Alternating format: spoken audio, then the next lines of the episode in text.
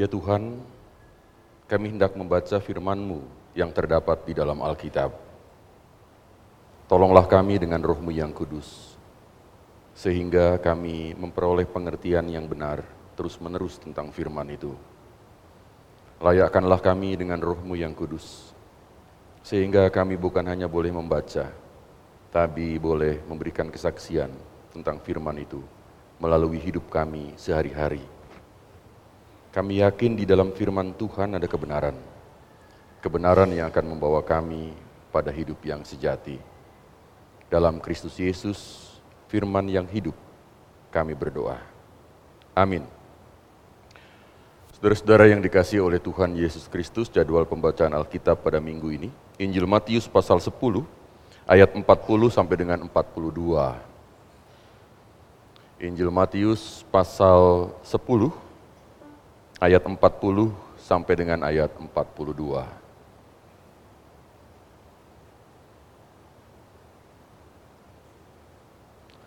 dikatakan demikian. Barang siapa menyambut kamu, ia menyambut aku. Dan barang siapa menyambut aku, ia menyambut dia yang mengutus aku. Barang siapa menyambut seorang nabi sebagai nabi, ia akan menerima upah nabi. Dan barang siapa menyambut seorang benar sebagai orang benar, ia akan menerima upah orang benar.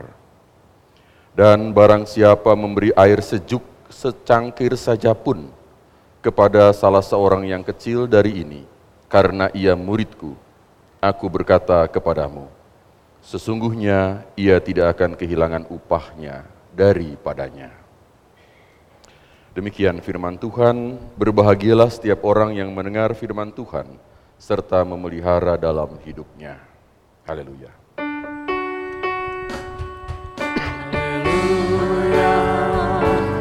Haleluya.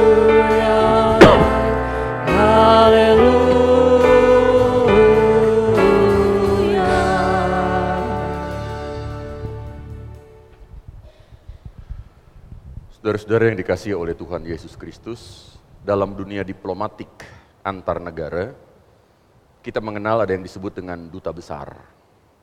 Duta besar negara yang ditempatkan di negara-negara sahabatnya. Seorang duta besar ketika dia mengawali tugasnya, dia akan menyerahkan yang disebut surat kepercayaan kepada kepala negara di tempat dia bertugas. Surat kepercayaan ini disebut letter of credency.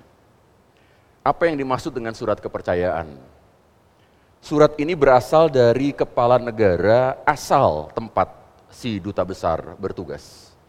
Jadi kalau saya duta besar Republik Indonesia untuk Belanda, maka Pak Joko Widodo akan membuat surat kepercayaan bagi saya ke Republik atau ke Kerajaan Belanda.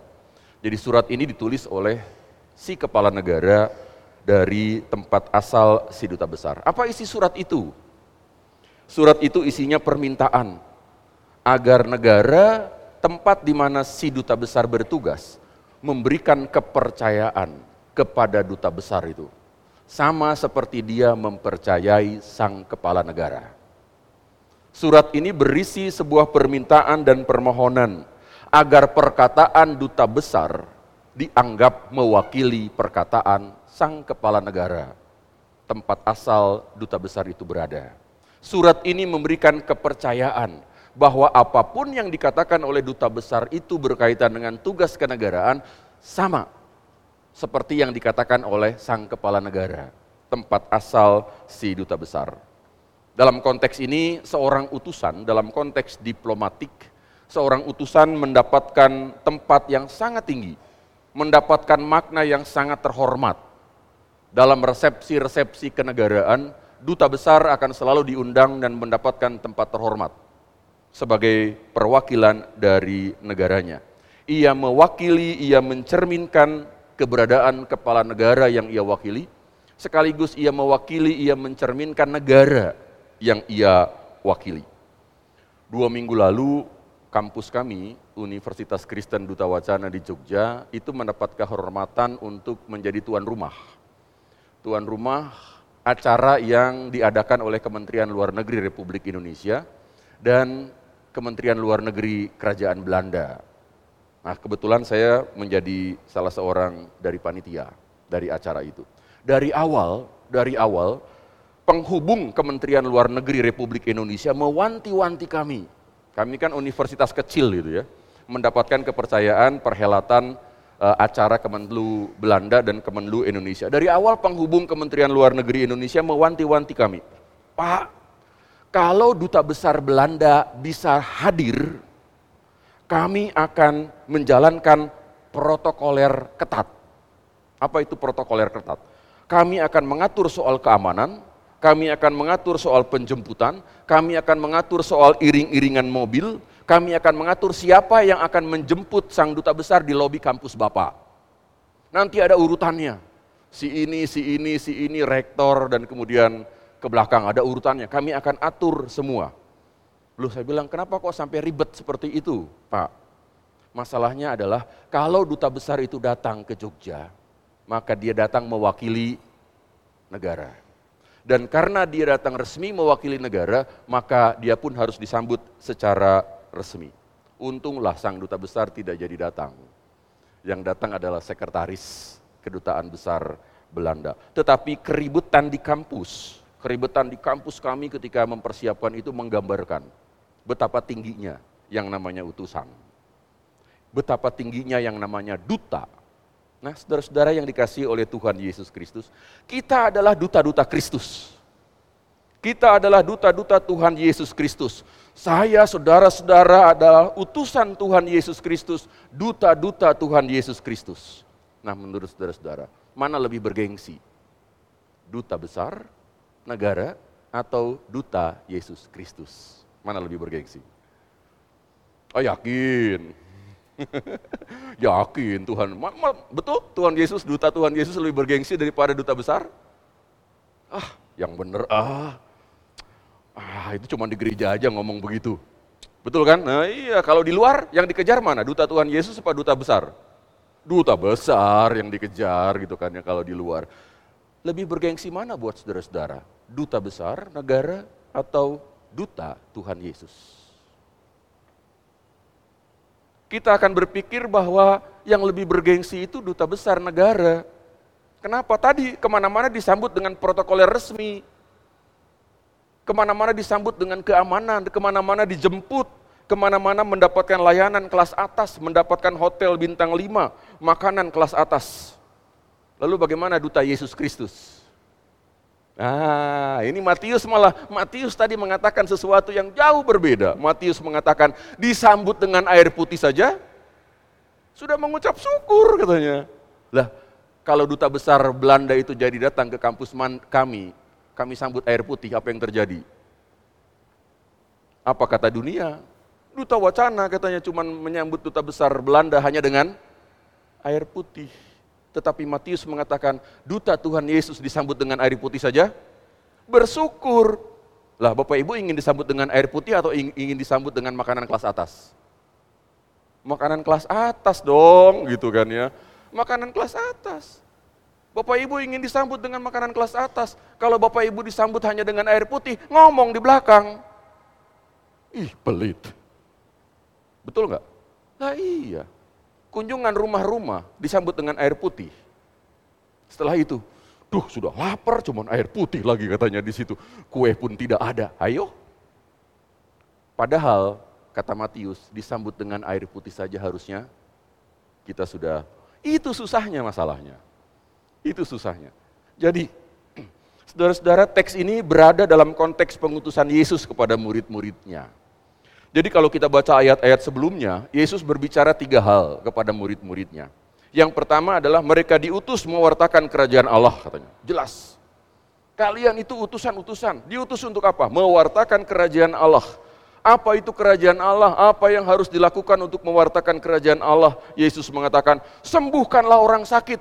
Wah pak, dalam konteks zaman sekarang bagaimana cara menyembuhkan orang sakit kan? Dalam nama Yesus sembuh. Enggak bisa pak. Oh lah iya, tapi Bapak Ibu kita punya rumah sakit, bawa dong ke rumah sakit. Sembuh apa enggak? Sembuh. Kalau memang sembuh begitu kan ya. Jadi kata sembuhkanlah orang sakit dalam konteks kita tentu bukan begini.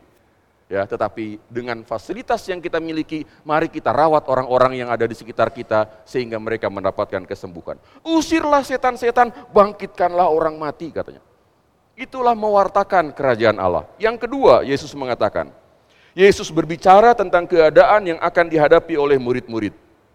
Pada ayat-ayat sebelumnya mengatakan, aku mengutus engkau dan situasi yang akan engkau hadapi itu unpredictable.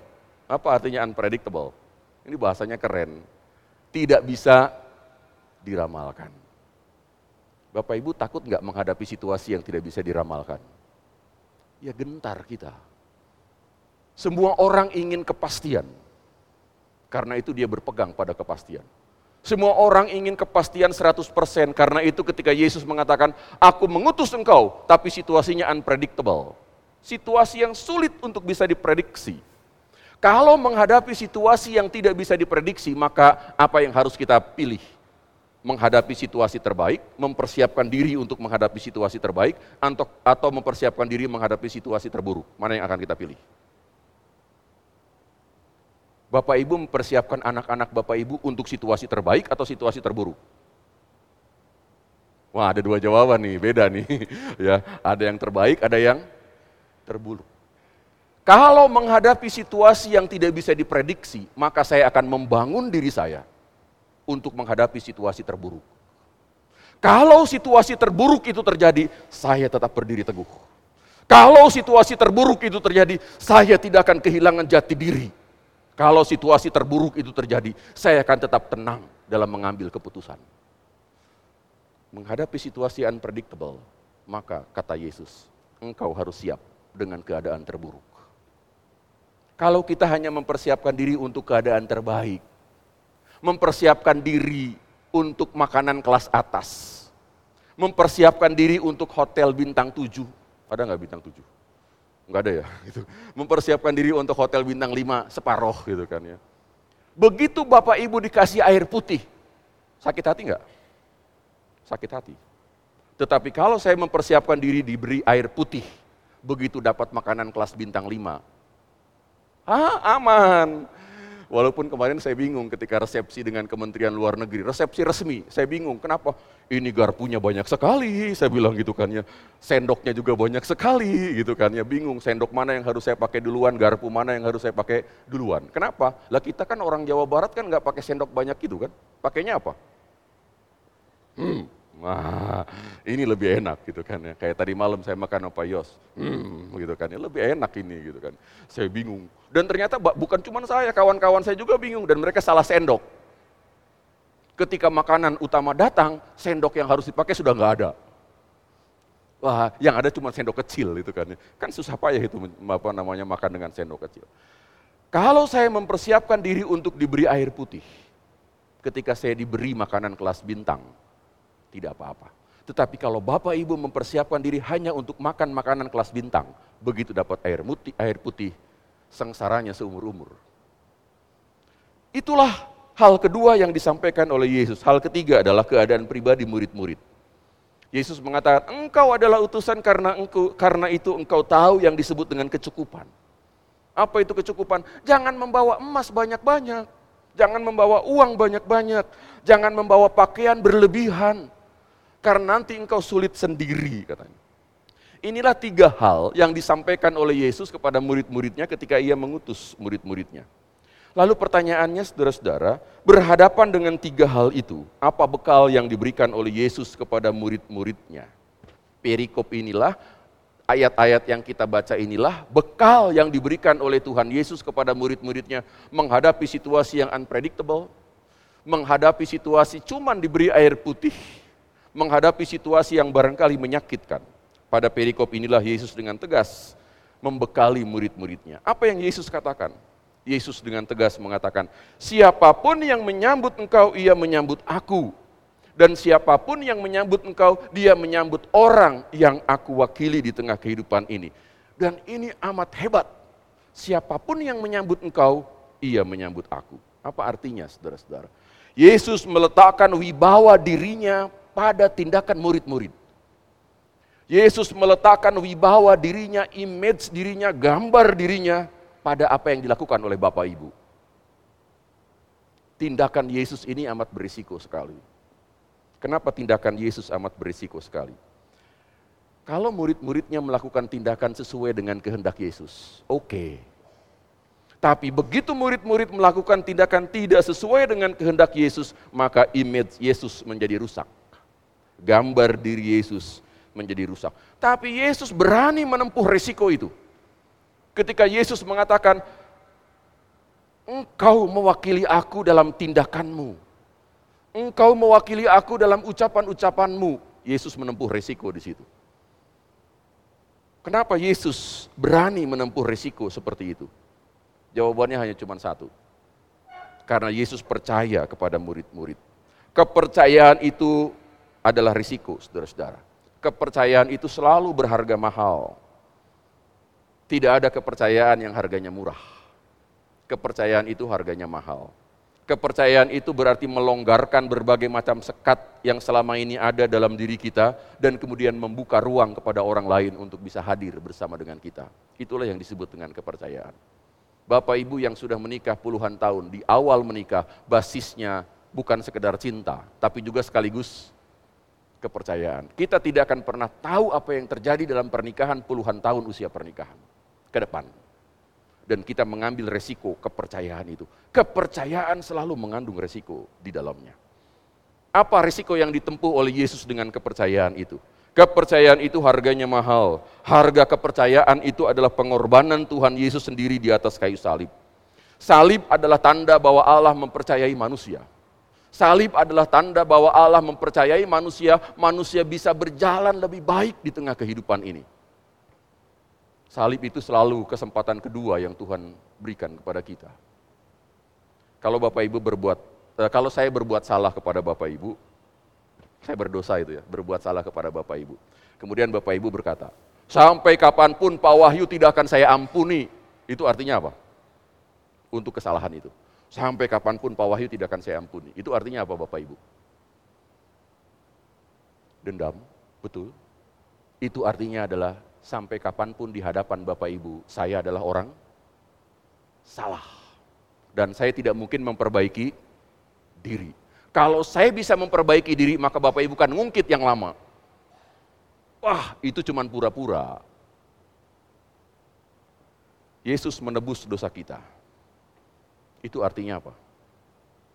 Yesus memberikan kepercayaan kepada kita untuk memperbaiki diri. Kalau saya berbuat salah kepada Bapak Ibu dan Bapak Ibu mengatakan, Pak Wahyu saya maafkan, saya ampuni, itu artinya apa? Bapak Ibu percaya saya bisa memperbaiki diri. Bapak Ibu percaya saya bisa lebih baik dari yang lampau. Allah berkata seperti itu kepada Bapak Ibu. Resiko? Resiko. Dan itulah resiko sebuah kepercayaan. Kristus mengorbankan diri kepada kita. Sekaligus dalam pengorbanan diri itu ada teladan bagi kita. Nah dengan demikian pertanyaannya kembali ke pertanyaan awal tadi. Lebih bangga yang mana? Menjadi duta besar negara atau menjadi duta-duta Kristus? Kalau menjadi duta besar negara kita akan berpikir soal fasilitas. Kalau saya jadi duta besar negara saya akan mendapatkan, kata kuncinya akan, akan kalau jadi duta besar negara, saya akan mendapatkan mobil, saya akan mendapatkan fasilitas hotel bintang 5, saya akan mendapatkan keamanan, saya akan mendapatkan makanan kelas atas, akan semuanya itu. Tetapi duta-duta Kristus, kuncinya bukan akan. Kuncinya adalah telah. Saya menjadi duta Kristus karena apa? Karena Allah telah mengorbankan diri bagi saya. Saya menjadi duta-duta Kristus karena apa? Karena Kristus telah memberikan kesempatan baru kepada saya untuk memperbaiki diri. Kita kuncinya adalah telah atau sudah. Karena itu seorang teolog yang bernama Bonhoeffer mengatakan, kita itu adalah murid-murid utusan-utusan yang harganya sudah dibayar mahal. Dan Paulus mengatakan, harga kita sudah dibayar lunas Rasul Paulus mengatakan kita itu harganya sebagai utusan sudah dibayar lunas, bukan akan dibayar, tapi sudah dibayar lunas. Jadi kalau kita mau e, merayakan perjamuan kudus, kita merayakan pengorbanan Tuhan kita Yesus Kristus. Tapi pada saat yang sama ada satu hal yang harus diingat. kita juga sekaligus merayakan kepercayaan Tuhan Yesus kepada Bapak Ibu. Tuhan Yesus mempercayai Bapak Ibu. Dan karena Tuhan Yesus mempercayai Bapak Ibu, Tuhan Yesus mengundang Bapak Ibu untuk hadir di meja ini. Kalau tidak dipercayai, ngapain kita diundang? Tuhan Yesus percaya kepada Bapak Ibu. Dan kepercayaan itu harganya mahal. Nah saudara-saudara yang dikasih oleh Tuhan Yesus Kristus, kita diutus oleh Kristus menjadi duta-duta Kristus di tengah kehidupan kita. Kehidupan kita mencerminkan keberadaan Yesus. Apa artinya? Yang pertama saudara-saudara, kalau Yesus mempercayai kita sebagai utusan, maka tentunya kita diminta menjadi orang-orang yang juga bisa dipercaya. Orang-orang yang bisa membagikan kepercayaan itu kepada masyarakat yang ada di sekitar kehidupan kita. Dasar kehidupan bersama itu kepercayaan. Kenapa saya katakan dasar kehidupan bersama itu adalah kepercayaan? Bapak Ibu parkir mobil di depan ya. Kalau parkir motor di mana? Samping. Bapak Ibu percaya nggak mobilnya hilang habis kebaktian? Enggak tahu. Itu artinya apa? Bapak Ibu mempercayakan mobil itu diparkir. Bapak Ibu percaya bahwa mobil itu tidak akan tidak akan hilang. Bapak Ibu percaya motor itu tidak akan hilang. Kepercayaan itulah yang membuat Bapak Ibu tenang. Kebaktian di sini. Kalau Bapak Ibu nggak percaya mobilnya hilang, apa yang akan terjadi? Gelisah. Wah, sebentar-sebentar keluar, lihat begitu kan, oh mobil saya masih ada. Bapak Ibu naik angkot, percaya nggak bahwa supir angkot itu punya SIM? Di Bandung saya nggak tahu kalau di Bandung. Gitu kan. Percaya nggak? Percaya. Nggak ada orang naik angkot di Bandung. Kang, ada SIM tuh. Waduh cilaka gitu kan ya. Langsung dia pergi gitu kan. Basisnya kepercayaan. Saya naik kereta kemarin dari Jogja, saya nggak tanya masinisnya, Mas sudah punya pelatihan belum untuk jadi masinis? Ada sertifikatnya apa enggak? Enggak, saya nggak percaya nggak bertanya seperti itu. Itulah basis kehidupan, kepercayaan. Kalau itu dilanggar atau kalau itu hilang, apa yang terjadi? Habislah sudah. Kita tidak akan menjadi masyarakat yang bisa tenang, tentram dalam menjalani kehidupan. Itulah makanya penting. Pekabaran Injil bukan sekedar memberikan diakonia Pekabaran Injil bukan sekedar membangun pos-pos kebaktian. Pekabaran Injil berarti membangun kepercayaan di tengah kehidupan masyarakat dan kita yang memberikan kepercayaan itu. Katanya, katanya, Indonesia itu low trust society. Ini istilah keren lagi. Low trust society itu adalah masyarakat yang kepercayaannya rendah. Tidak bisa dipercayai, istilah kasarnya itu. Kalau janji, ngaret, Ayo kita latihan jam 1, datangnya jam berapa? Jam 2 gitu kan ya. Mending kalau datangnya jam 2, datangnya jam 3. Ayo kita rapat, jam 6 rapatnya, jam 7. Jam 6 sampai jam 8 rapatnya, ternyata mulainya jam 7 sampai jam 10 gitu kan ya. Itu low trust society. Kalau antri, suka motong antrian dengan alasan apa pun. Kalau berkendara di jalan, saling Susah antri itu loh, mobilnya itu susah ngantri gini. Kalau ada jalan sedikit, apa yang terjadi? Nyelip masuk. Susah antri. Ada jalan sedikit, nyelip masuk. Dan karena kita nyelip, yang lain di belakang ikutan nyelip. Akhirnya ya jalannya macet gitu kan ya. Nggak ada yang antri tenang gitu ya, jadi tiga baris lurus, walaupun jalan di kiri kanannya masih bisa untuk satu mobil. Tapi tenang gitu, nggak ada, di kita jarang. Itu yang disebut dengan low trust society. Dalam konteks dunia digital saat ini, low trust society sangat berbahaya. Masyarakat yang tidak bisa dipercayai sangat berbahaya dalam konteks masyarakat digital. Kenapa? Saya bisa menyebarkan kabar-kabar bohong kepada Bapak Ibu. Saya bisa menyebarkan apa pun yang tidak benar kepada Bapak Ibu. Kita berjumpa dengan mesin tanpa tahu siapa dia. Jadi saya menyebarkan banyak berita tanpa Bapak Ibu tahu siapa yang menyebarkan. Kenapa? Ah, orang yang membaca mesti percaya walaupun dia tidak kenal saya. Mesti percaya atau di atas namakan orang lain supaya percaya. Ya kita percaya saja, terima saja begitu kan ya. Dan ini sangat berbahaya di tengah kehidupan masyarakat uh, digital saat ini.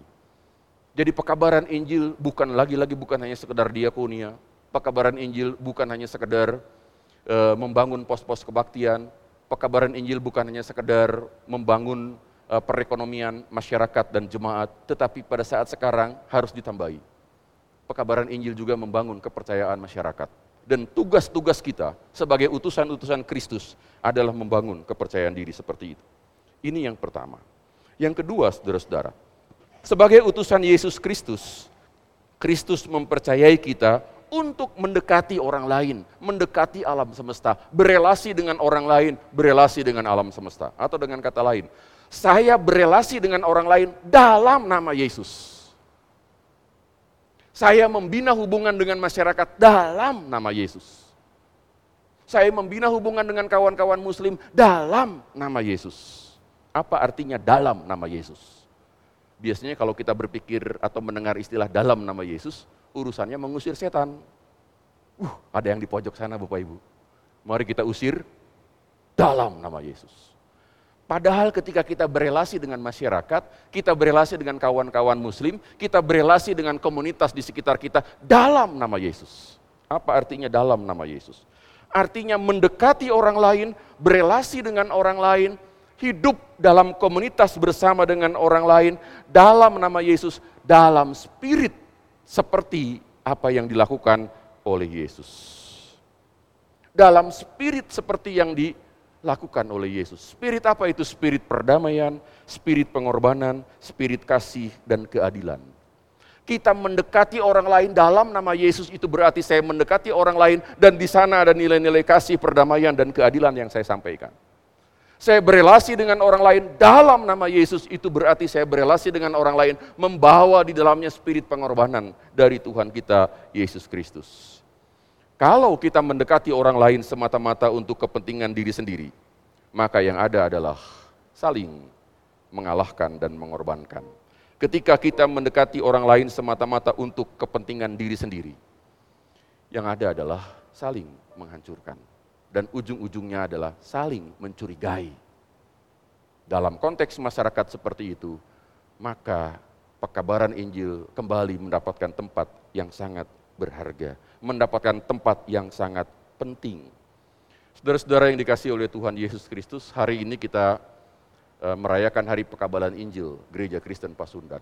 Kita diingatkan kembali bahwa kita adalah utusan-utusan Tuhan kita Yesus Kristus, duta-duta Tuhan kita Yesus Kristus yang hadir di tengah kehidupan ini untuk mewartakan berita kerajaan Allah, spirit perdamaian, kasih, keadilan memberikan kepercayaan kepada masyarakat di sekitar kita, memberikan terang, memberikan jalan, memberikan ketenangan di tengah kehidupan masyarakat di sekitar kita. Apalagi di tengah dunia yang sangat berkembang saat ini, dunia digital. Dalam konteks seperti itulah kita mensyukuri karya dan berkat Tuhan dalam perjalanan gereja Kristen Pasundan, dalam perjalanan pewartaan Injilnya di tengah-tengah kehidupan masyarakat Jawa bagian Barat. Dan kita terus-menerus menjalankan hidup sebagai duta-duta Kristus, utusan-utusan Kristus, karena hidup saudara-saudara mencerminkan hidup Yesus. Amin.